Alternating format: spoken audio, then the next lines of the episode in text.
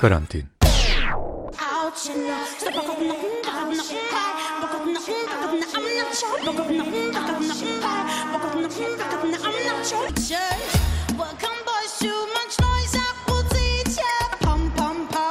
Dobrodošli u još jedan radio karantin specijal. Ja sam Aleksandar Kocić. Izrael je zemlja koja je ubedljivo najdalje otišla sa vakcinacijom protiv koronavirusa.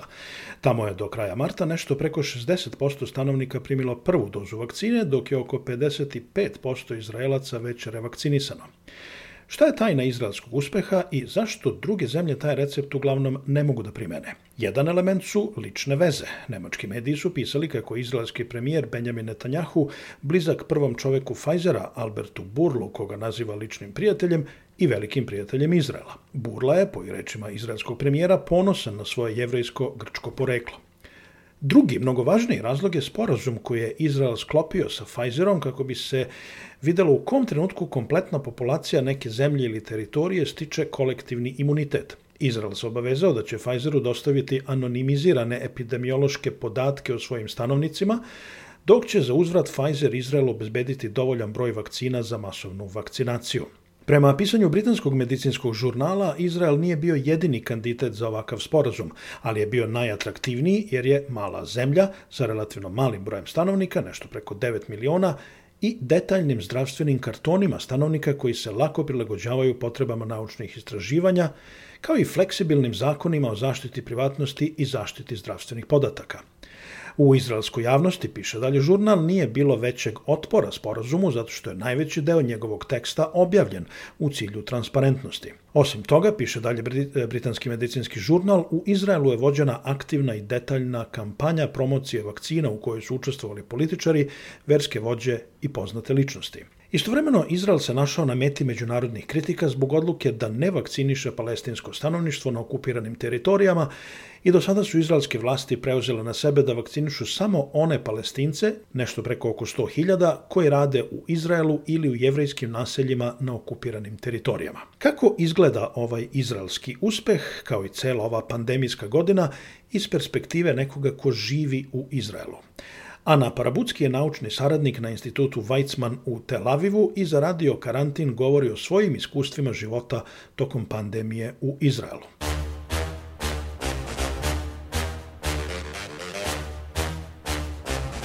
Radio karantin. Izrael je ovih dana svetski hit kad je vakcinacija u pitanju, zemlja koja se izgleda najbolje organizovala što se vakcinacije tiče i najdalje otišla. Kako to izgleda svakodnevnom životu u Izraelu? E, jeste vi vakcinisani, jesu vaši e, ukućani i komšije vakcinisani svi?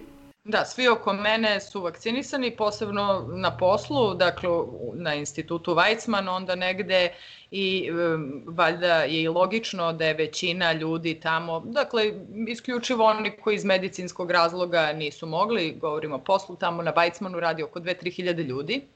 Svi su vakcinisani sa Pfizerom, sa obe doze, vakcinacija ovde je sprovedena vrlo brzo, a, dosta su dobro organizovani, bili i još uvek su, mislim da je sad trenutno pa oko 55% stanovništva vakcinisano sa obe doze, s tim što si, ja mislim da, su, e, da je procenat recimo 85 ili 90% za one koje su stari od 50 godina. E, kod nas u Britaniji se ide strogo po e, starosnim grupama, osim zdravstvenih radnika i ljudi koji su u ugroženim grupama, u rizičnim grupama, ne znam, u Srbiji koliko vidimo ide se daj ko prvi dođe, ili ko se prvi prijavi, a kakav je sistem u Izraelu? Pa ovde je neka kombinacija, ja bih rekla. U početku je bilo dosta striktno, a, znači medicinski radnici starački domovi i određene, on, podelili su naravno po godinama, A, međutim, kako su izuzetno brzo vakcinisali već u prvim nedeljama te grupe koje su bile po redu, da ne kažem rizične samo, već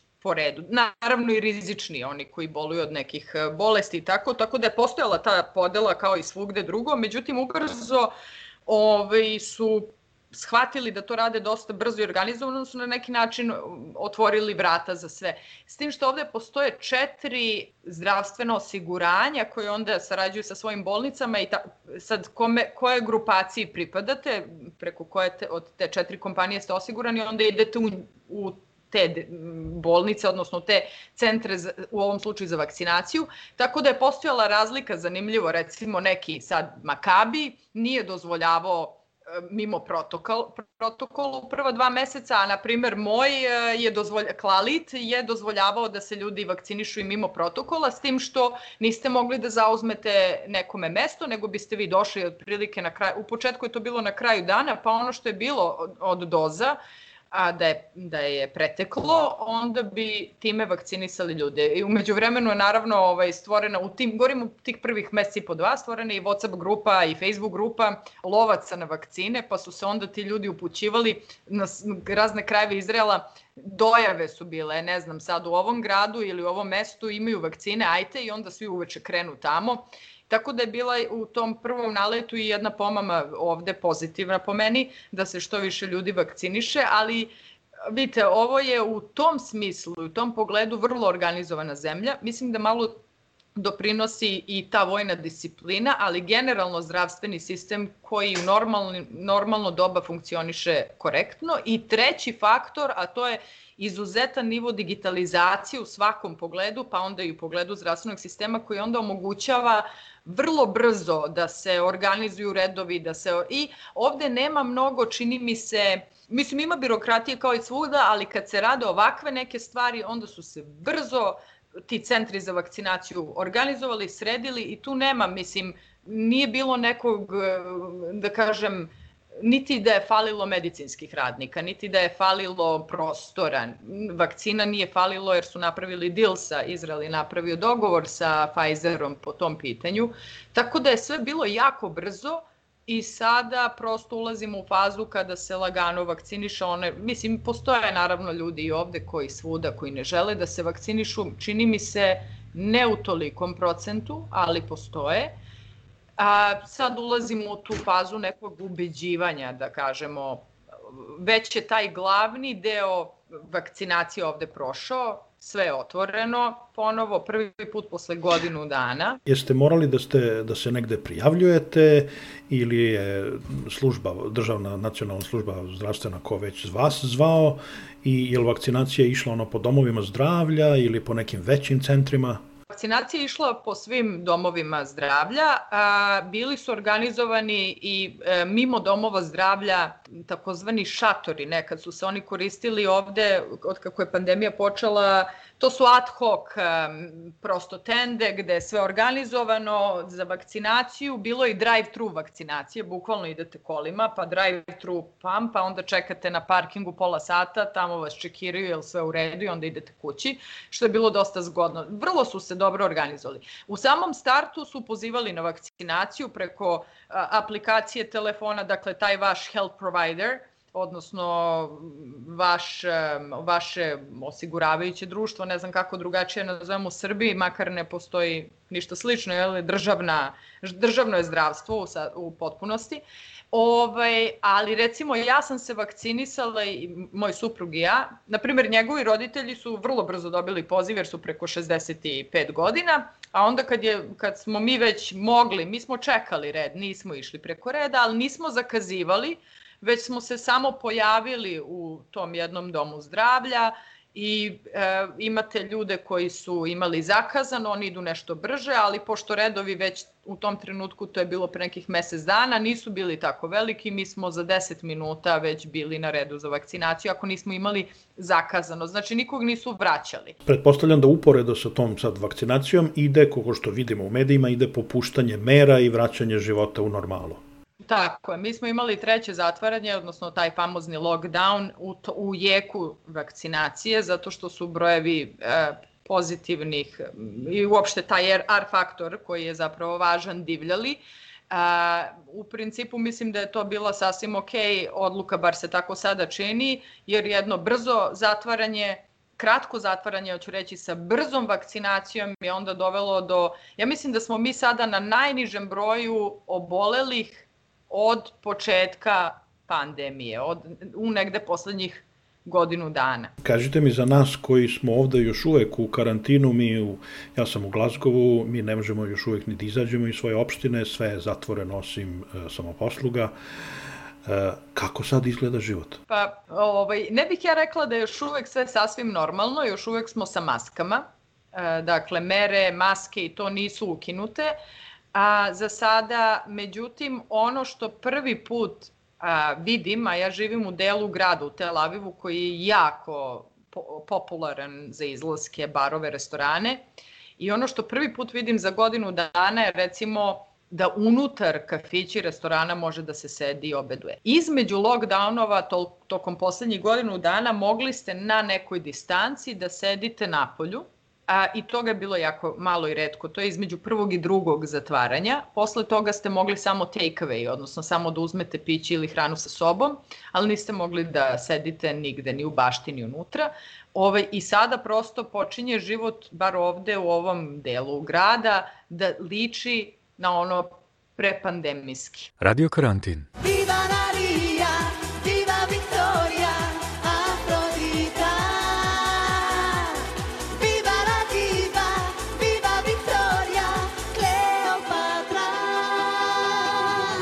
Tel Aviv inače ima reputaciju party capitala i sad se to vidi da ovaj, uglavnom se mladi vraćaju. E, šta je sa drugim, e, ne znam, aspektima života, bioskopi, pozorišta i slično? Ono što se priča, ja nisam, mislim, to se priča i za sedenje unutar e, restorana, ja moram da priznam da još uvek nisam ručala na polju.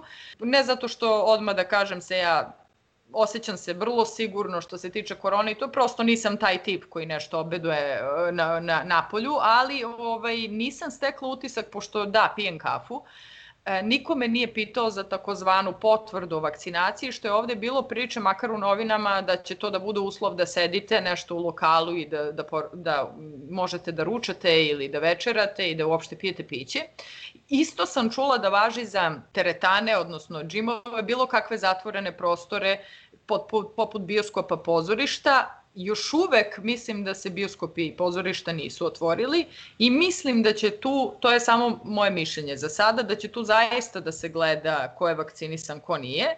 A, a što se tiče ovaj, kafići i restorana, čini mi se da se ipak ne proverava. Iako mislim da je to nešto što je otprilike rečeno od strane vlade, jel tako? Da će e sad verovatno da postoji neka zakonska začkuljica gde vi ne možete da naredite, pretpostavljam, onome ko je vlasnik da proverava da li je neko vakcinisan ili ne. Ovo su moje mhm. pretpostavke, dakle ni sigurno, samo iz iskustva, kažem, mene niko nije pitao još uvek. Do duše nisam ni ulazila unutar lokala da, da sedim unutra, uglavnom u bašti. Znači nekakav formalni sistem provere još uvek ne postoji? Ne, ali mogu da vam kažem da sad ne znam kako je, to kažem, vrlo je nejasno kako su te stvari zakonom regulisane meni, a vidim i drugima, Izraelcima. recimo, određene firme na jedan način vrše pritisak na svoje zaposlene. Ja lično, pošto sam pro vakcine, ne bih rekla da je to loš pritisak.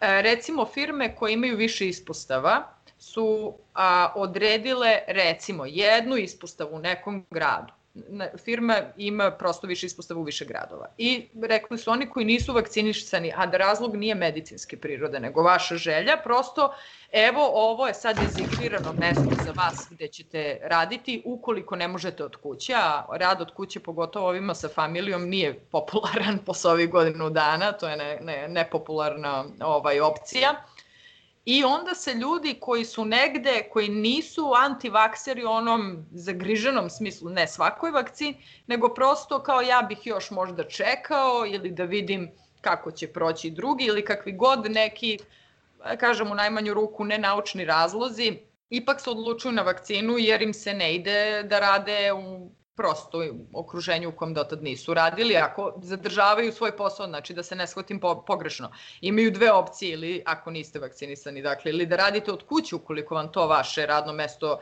i vaš e, posao dozvoljava, ili da sedite u tim, tim e, pro, dezigniranim mestima za nevakcinisane, tako reći. Znam da to može da deluje kao malo, da ljudi, e, kada pričamo o ljudskim pravima, onda moramo da shvatimo da postoje prvo vakcina ne štiti individu 100%. Mislim, to mora da bude jasno. Nijedna vakcina na svetu, odnosno vakcinacija kao takva, zavisi od imuniteta krda, a ne pojedinca samo po sebi. U tome, se i, u tome i sva efikasnost vakcine, svake, tako i ove.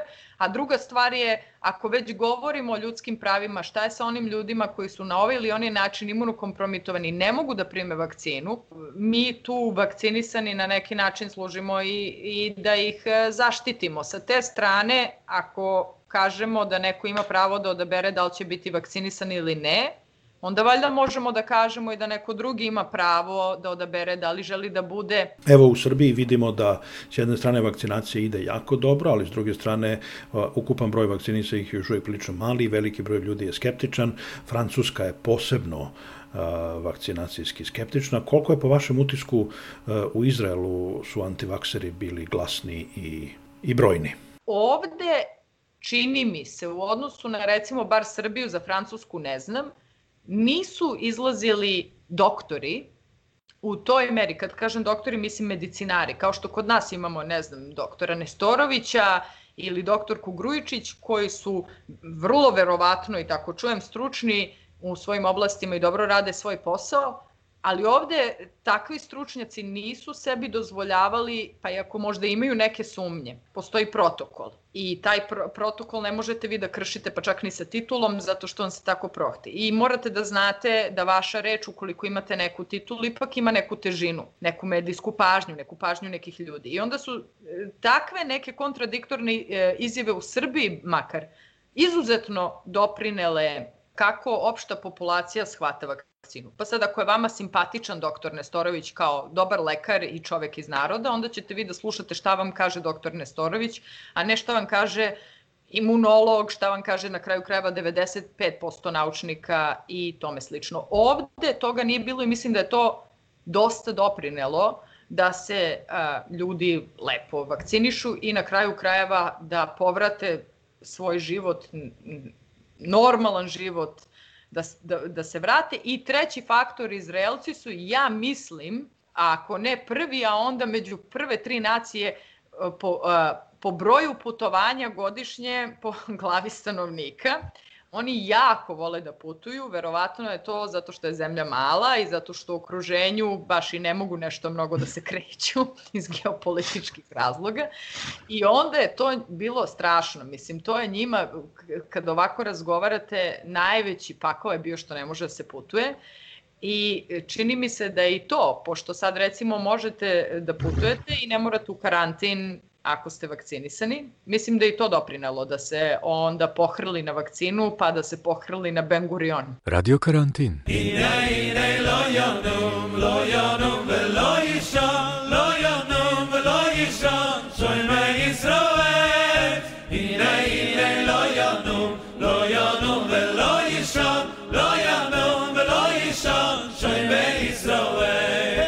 Izrael ima i relativno brojnu populaciju ortodoksnih jevreja. Da li nešto znate o tome kako su oni prihvatili vakcinaciju? Oni su za početak nisu prihvatili mere, tako to ide e, kod on, e, ortodoksni jevreji imaju neki svoj vrlo a, oni su zapravo bili ovde u više navrata gradovi i reoni gde ortodoksni jevreji makom žive, najveće žarište prosto je to neki način života koji je usko vezan sa religijom, onda e, kog oni nisu mogli ili nisu hteli sasvim da se odreknu, njihove glavešine, dakle ti glavni rabiri su ponešto propagirali, ponešto ne, dosta njih je ovaj, poumiralo, govorimo o matorim, odnosno da kažem starijim tim glavešinama od korone, a, oni e, jednim delom prihvataju vakcinaciju, drugim delom dosta ih je preležalo koronu i onda samim tim ima onaj period čekanja kada bi mogli da prime vakcinaciju. Dakle, mislim da će tek u nekim narednim mesecima zapravo da se zna. Nije bilo nikakvog protivljanja u tom smislu vakcinacije, ali prosto oni su bili, ja ne znam koji su to procenti, ali to su užasno visoki procenti.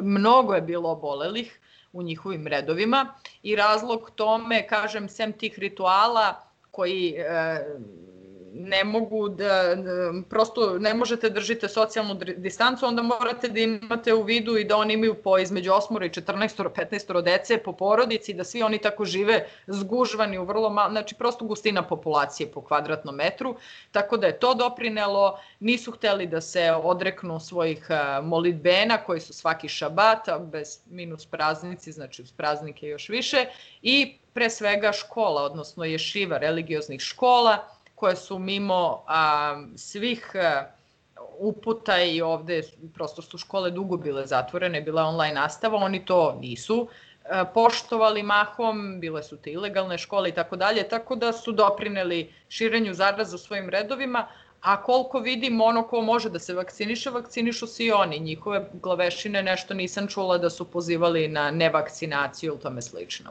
Istovremeno, dok Izrael zaista ovaj, služi kao primer svuda u svetu kako uspešno ide vakcinacija, s druge strane, zemlja je pod velikim kritikama međunarodnih organizacija da ignoriše uh, okupirane palestinske teritorije. Uh, koliko ja znam, nešto su dozvolili da uđe ruskih vakcina koje je Sirija donirala i tako dalje, ali Izrael kao okupaciona vlast ne radi ništa da vakciniše palestince ili radi jako malo osim e, vakcinacije e, palestinaca u istočnom Jerusalimu. Kako se vama čini, jel se, se o tome vodi nekakva debata u izraelskim medijima, u javnosti, da li se priča o tome? Da, da, pa naravno da se da ovde je mišljenje i po tom pitanju kao i po svakom drugom koje se tiče ovaj, Palestine i Izraela izuzetno podeljeno, tako da se vodi rasprava. Ja sam mišljenja da ne kažem nade, da, ali stvarno sam mišljenja da će, da će Izrael da se prihvati, da preuzme na sebe obavezu da vakciniše građane zapadne, odnosno okupiranih teritorija, odnosno palestince sad, kako želite da, da ih zovete. I mislim da to neće biti iz nekih preteranih humanitarnih razloga, nego iz, iz obostrane koristi. Kada već o tome govorim, 130.000 čini mi se oko 130.000 palestinaca koji imaju radne vize, dakle to su ljudi koji žive na zapadnoj obali, nisu izraelski državljani niti rezidenti, ali imaju radne vize i dolaze redovno na rad i koji su strahovito pogođeni pandemijom jer je značajno pao obim posla, samim tim i oni ljudi nisu e, privređivali Za njih Izrael organizovao vakcinaciju, čini mi se pre par nedelja je počela, tako da će njih oko 130.000, odnosno već se vakcinišu sa obe doze i to će bude jedan od uslova da nastave mm, da koriste tu svoju radnu vizu, odnosno da rade u Izraelu. E sad, to je 130.000 ljudi koji rade u Izraelu. Ja mislim da će to da se proširi. E, Izrael s jedne strane se brani, vrlo je tu, mislim, ne, nezgodna je situacija. Ja lično mislim da treba da se vakcinišu građani okupiranih teritorija, odnosno pale, palestinci, i da tu ne treba bude nikakve priče. I opet kažem, ne mislim da se na to treba gledati kao, ne morate gledati to kao ne, neko humani potez i iz humanih namera, već iz praktičnih namera. E, vi ne možete da sprečite širenje virusa dok svi koji dolaze u kontakt nisu vakcinisani ili imuni na neki način i to je prosto tako. To je s jedne strane, a sa druge strane Izrael a, tvrdi da eto ako se poziva na taj Oslo dogovor da je po tom dogovoru oni zakonom nisu dužni šta god zakonom u tom smislu zna, ali međunarodnim pravom nisu dužni da vakcinišu um, žitelje zapadne obale zato što su oni dužni da svoj zdravstveni sistem podignu na noge. S druge strane, to bi trebalo da, o, onda palestinci kažu, ali to ne važi kad su u pitanju pandemije i tamo je to negdje na Da, otprilike koliko sam ja shvatio argument uh, u korist uh, vakcinacije je, to sam video od strane UNHCR-a, znači Ujedinjene nacije kažu da je Izrael kao okupaciona sila dužan da vakciniše i okupirano stanovništvo, dok je izraelski ministar zdravstva rekao da po sporazumu iz Osla je zdravstvo autonomno praktično na palestinskim teritorijama, tako da ne spada u njihovu nadležnost kao okupacione sile. To je sad malo političko prepucavanje, praktično, a opet to je moje tumačenje, vi ste po skupoj ceni platili broj vakcina koji je dovoljan da se vakciniše ovdašnjih oko 9 miliona stanovnika, računajući istočni Jerusalim koji se vakcinišu regularno, dakle kao Izraelci, iako oni, za one koji ne znaju, nemaju izraelsko državljanstvo, ali imaju rezi, permanentnu rezidenciju. Dakle, u tom pogledu se vakcinišu. Znači, vi ste e, skupo platili određen broj vakcina koji trebaju da... I to vam je prioritet. Ja to tako vidim. Znači, država koju smatramo Izraelom u okviru tih granica je priori, znači to stanovništvo je prioritet da se vakciniše. Ovde nikakve razlike nije bilo da ste e, jevrin, e, hrišćanin, araps, arapin, hrišćanin ili musliman koji ima izraelsku rezidenciju ili državljanstvo je vakcinisan apsolutno jednako. Znači s te strane nije bilo nikakvih podela, to ću ja kažem. A, pa da se kaže, jao, evo, vakcinisali su jevreja, a ove ni. Ne. Mislim da je pre toga, a onda se, onda se vrlo verovatno, ne vrlo verovatno, nego sasvim sigurno će vakcine se koriste za nekakve možda političke dogovore i pregovore.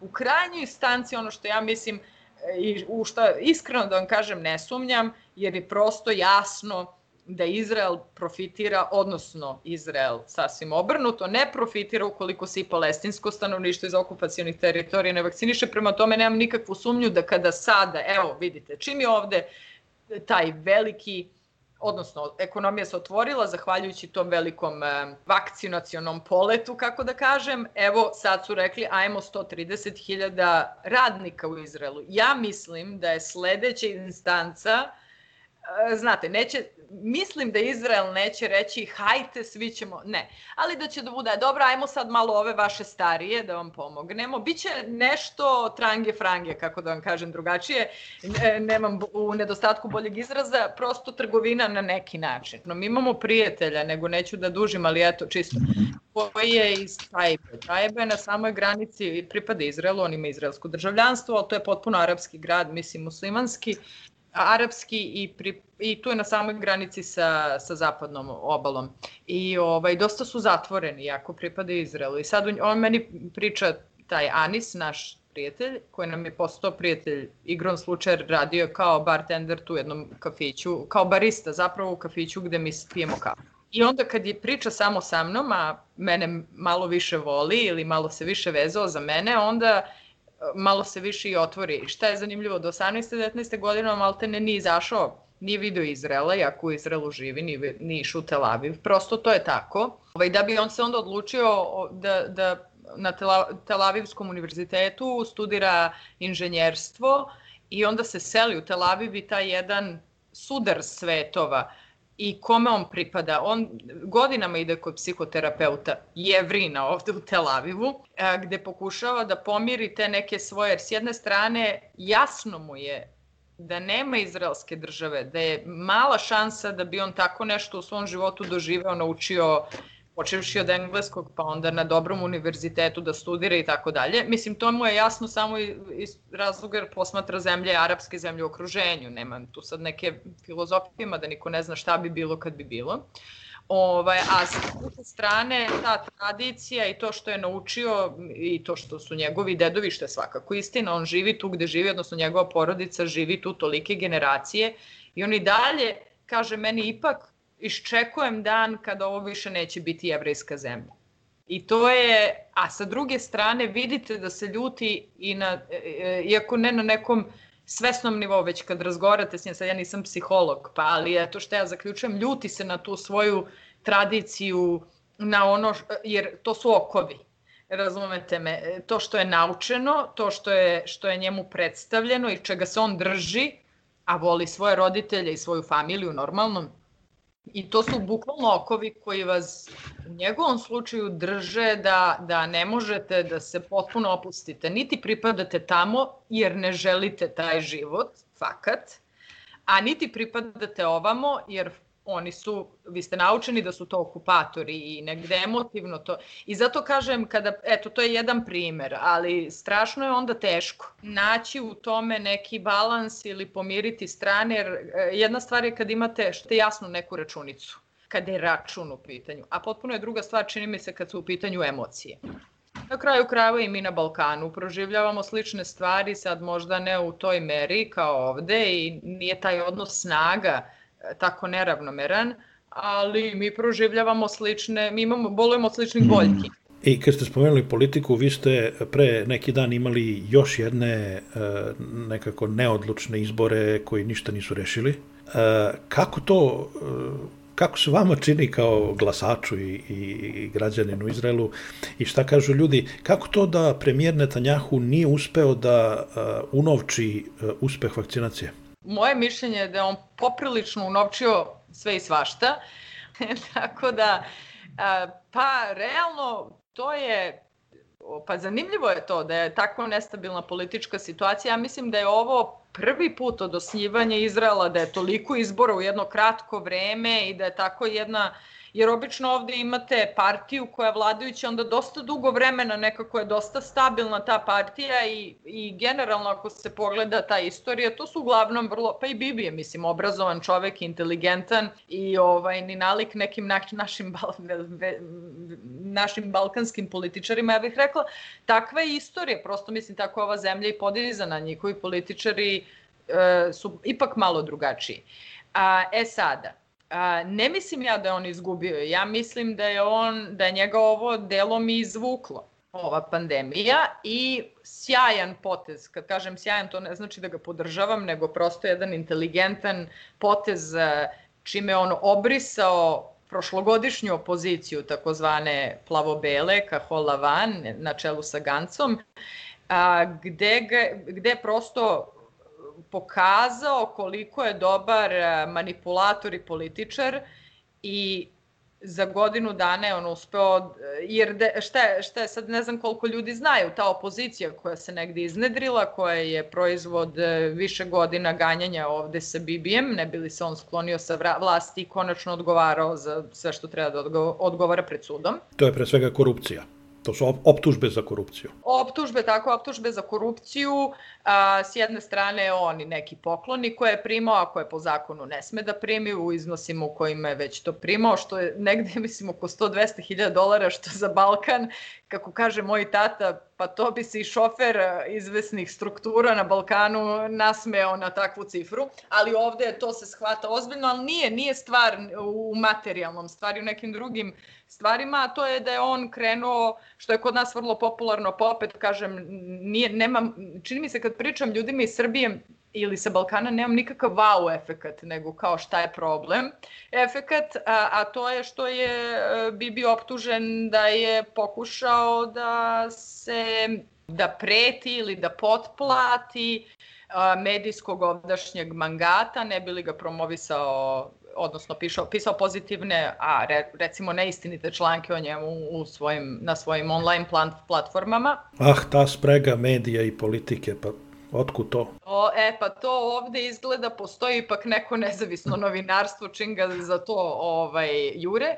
E sad, umeđu vremenu se oformila ta neka opozicija koja na prošlogodišnjim izborima, opet u sred korona, odnosno na samom početku pandemije, imala neku šansu, a, da ga skine sa te vladajuće pozicije. Međutim, onda je Bibi iskoristio pandemiju, pa je ovaj, svom suparniku koji je bio protiv kandidat, Gancu, Beni Gancu, rekao nećeš valjda da, ne znam, sad ne uđeš u koaliciju sa mnom, a, pa ćemo mi da podelimo taj, to, taj mandat na dva dela, prvi deo ću ja da vladam, a drugi ćeš ti, nego ti ćeš sada kao da ostaviš ljude da pomru od korone, da ostaviš neizvesnost, ne možemo da se borimo protiv korone dok nemamo vladu. To su sve nekakvi potezi na koje, nažalost, njegov suparnik naivno pao, pa je pristao da uđe i napravi vladu s njim, što je za Benija prosto to bio jedan politički, politička smrt.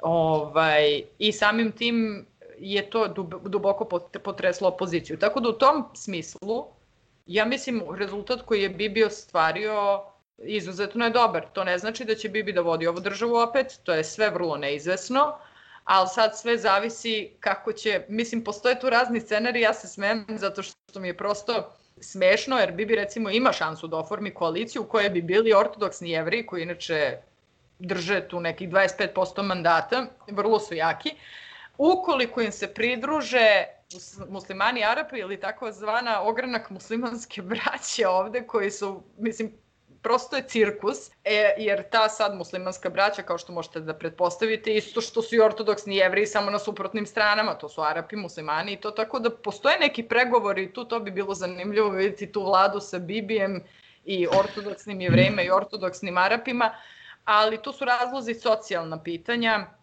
koje Bibi tako dopušta ovaj, tim religioznim strukturama, koji imaju onda mnogo dece, to su neki basnoslovni deči dodaci i tako dalje, da vas ne davim. Izraelska politika uvek fascinantna i uvek nedokučiva za, za posmatrače sa, sa strane.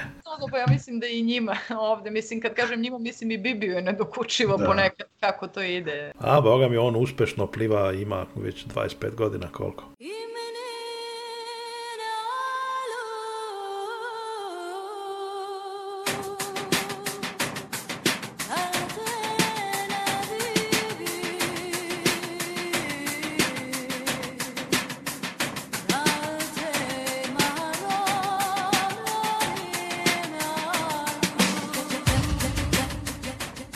Ovaj podcast je inače jedna neprofitna inicijativa dvoje novinara koji vole svoj posao i smatraju da živimo istorijski događaj koji je važno zabeležiti. Zato vas molimo da postanete redovni pokrovitelj Radio Karantina preko aplikacije Patreon ili nas podržite jednokratnom uplatom preko Paypala. Na našem sajtu radiokarantin.eu nalaze se instrukcije na koji način možete da uplatite novac iz bilo kog kraja sveta. Nastavljamo razgovor sa Anom Parabuckim. Kakva je za vas bila ova pandemijska godina u Izraelu? Pa za mene lično, što se same ove pandemije tiče, a, nije bilo toliko strašno, a, ali to je razlog tome što i suprug i ja smo imali takav posao koji ne zavisi, a, gde plata prosto nije zavisila, nije, niti raša radna mesta su zavisila od situacije u kojoj smo se našli. S druge strane, ono što je bilo teško zagledati je neke prijatelje, jel tako, i poznanike, koji počeši od malih biznisa, pa lokala najviše, svi sem, da kažem, prodavnica sa hranom, jel tako, svi su oni e, dosta osetili ovu pandemiju i to je bilo, meni se čini ovako, bar u najbližoj okolini najteže i za, za svariti da su se neke stvari možda možda i zauvek promenile kako mislim posmatramo i svet i ekonomiju. Postoje taj strah znate ipak smo krhki. Oslanjamo se i suviše na, na neki način života koji očigledno nije održiv ukoliko a, se ne odvija u tim vrlo a, uskim uslovima i pravilima koja, koja smo postavili, u kojima on jedino može da se održi. Za početak ta naš neki kapitalizam, kakav god i na kom nivou načina koji se naša ekonomija odvija, je prosto način na koji na kraju krajeva svi zavisimo globalno jedni od drugih izuzetno, tako da ne postoje ni narodni zemlja koji mogu da izađu kao pobednici, da tako kažem, e, iz čitave ove priče, jer svi opet zavisimo od drugi, krki smo. Eto, to je, to je, taj, to je možda bio onako strah koji je bio najvidljiviji. Spoznaja da, da smo i tekako a, nesigurni, da je naš sistem življenja generalno nesiguran i zdravstvo, i ekonomija i generalno svakodnevni život. A opet s druge strane, ja stvarno moram to da kažem, Negde sam skoro pročitala, kaže, priča počinje, zamislite da ste rođeni 1900. Te ja mislim da je tu već jasno, pa ste, ne znam, imali 14 godina kada je počeo prvi svetski rat, pa koliko je miliona umrlih. Pa onda ste imali 18 godina kada je bila najveća pandemija u poslednjih 150 godina i duže čak, koja je odnela između 50 i 100 miliona života, niko ne zna ni tačan broj. Pa onda taman ste se malo, a eto, pa dobro, onda ne, ekonomski krah, jel, pa drugi svetski rat. I sad da ne davim, i maltene vam je ceo život prošao u tom nekom haosu, onda mislim da ako je ovo bila jedna ili dve godine, imamo vakcinu, imamo način da se izvučemo iz ove priče, da ne treba mnogo kukati. nije ipak toliko strašno. Jel mislite da su Izraelci na neki način kao i, i Balkanci ono što se kaže rezilijentan narod navikao na frku i na krizu. Mislim, Izrael je uređena zemlja koja napreduje, koja je bogata, ali s druge strane Izrael non stop ima problem i terorizam i susedi koji mrze Izraelce i tako dalje. Uvek ima ta tenzija. Jel mislite da su Izraelci u tom pogledu slični ljudima na Balkanu? Definitivno, ovaj, definitivno su slični po tom pitanju. Ovaj, to je neka posebna ne znam da li, da li smo svi kolektivno otporni ili je to neka posebna forma PTSD-a, to je sad već pitanje za stručnjake, a, što ja nisam, ali definitivno da u tom pogledu čini mi se da im je mnogo manje teško palo pala cela ova priča sa pandemijom i vanredno stanje i tako dalje nije bilo previše neprirodno. Ono što je njima najteže palo to je ograničenost u kretanju, što izlascima van zemlje, što izlascima ovako, jer su to je jedan narod koji izuzetno uživa u, u životu i u prosto svakodnevnim viđenjima sa familijom, s prijateljima, izlascima, putovanjima i tako dalje. I druga stvar što im je teško palo ovaj, većini, to su, mislim, ovo, učenje od, sa distance. Kad vi vidite da... Od kuće. Od kuće, tako je, pa jedan prosečan izraelski par ima 2,8 e, dece. Ja mislim da to je, to je tako zvanična statistika, pa vi sad kad uzmete u obzir da imate tu eto, ajde u proseku da zaokružimo troje dece kome svakom treba neki laptop, neka pažnja, neko online učenje, neka asistencija, na kraju krajeva zatvoreni sa njima u kući, to im je, mislim, jako teško palo. Ali ovaj, sve u svemu, ja bih rekla da je u principu sve dobro da je dobro prošlo. S tim što moram da kažem da ne možemo da se poredimo, ne možemo mi da poredimo države zato što Izrael je, kao što ste rekli, ipak ekonomski stabilnija, bogatije države, neke stvari, neke mere koje Izrael mogao sebi da dopusti, države poput Srbije prosto to ne mogu da priušte. I to nije stvar e, ko radi šta bolje, nego ko koliko može. Onda druga stvar, zdravstveni sistem u Izraelu je izvanredan, uvek sve može bolje, ali stvarno je jako dobar zdravstveni sistem. U Srbiji nikad nije bio dobar, malo gde na Balkanu, u stvari nigde, a onda kad se nađete u nekoj ovakvoj situaciji stvari samo isplivavaju. A, mi ovde nismo imali nikakve, možda u prvih mesec dana ko nije nešto morao da ide kod lekara, ali šta smo imali od samog starta? Online lekara, imate na Whatsappu, na videokolu, u roku od 15 minuta dobijete online lekara ukoliko vam nešto fali. Ukoliko vam treba neki lek, online vas čeka recept, samo treba da odete u apoteke koje su radile i tokom prvog onog strašnog zatvaranja najstrožeg. Toga u Srbiji nema. Kapacitet zdravstvenog sistema opet je, ne može da se prosto poredi. I tako da postoje neke stvari gde je nezahvalno porediti. Eto, prosto gde ne mogu ja da kažem sad trebala je Srbija kao Izrael, jer mislim da to nikad nije ni bilo moguće. Tram, pam, pa. Hey, I think you forgot how to play. My teddy bear spit just like you're smart. Bila je to Ana Parabucki iz Tel Aviva u razgovoru za Radio Karantin. U prethodnim emisijama bavili smo se teorijama zavere, sebičnošću, muzikom i filmom, naukom, ekonomijom, lažnim vestima, ljudskim pravima i drugim temama. Neki od naših gostiju bili su Zoran Predin, Srđan Dragojević, Dubravka Stojanović, Biljana Stepanović, Zoran Radovanović, Florijan Biber, Rada Trajković, Elena Zorić, Vuk Vuksanović i drugi. Iduće srede Radio Karantin traži odgovor na pitanje koliko je pandemija pogodila žene. Slušajte nas i čitajte na Soundcloudu, Facebooku i Twitteru. Čuvajte se. Pozdrav.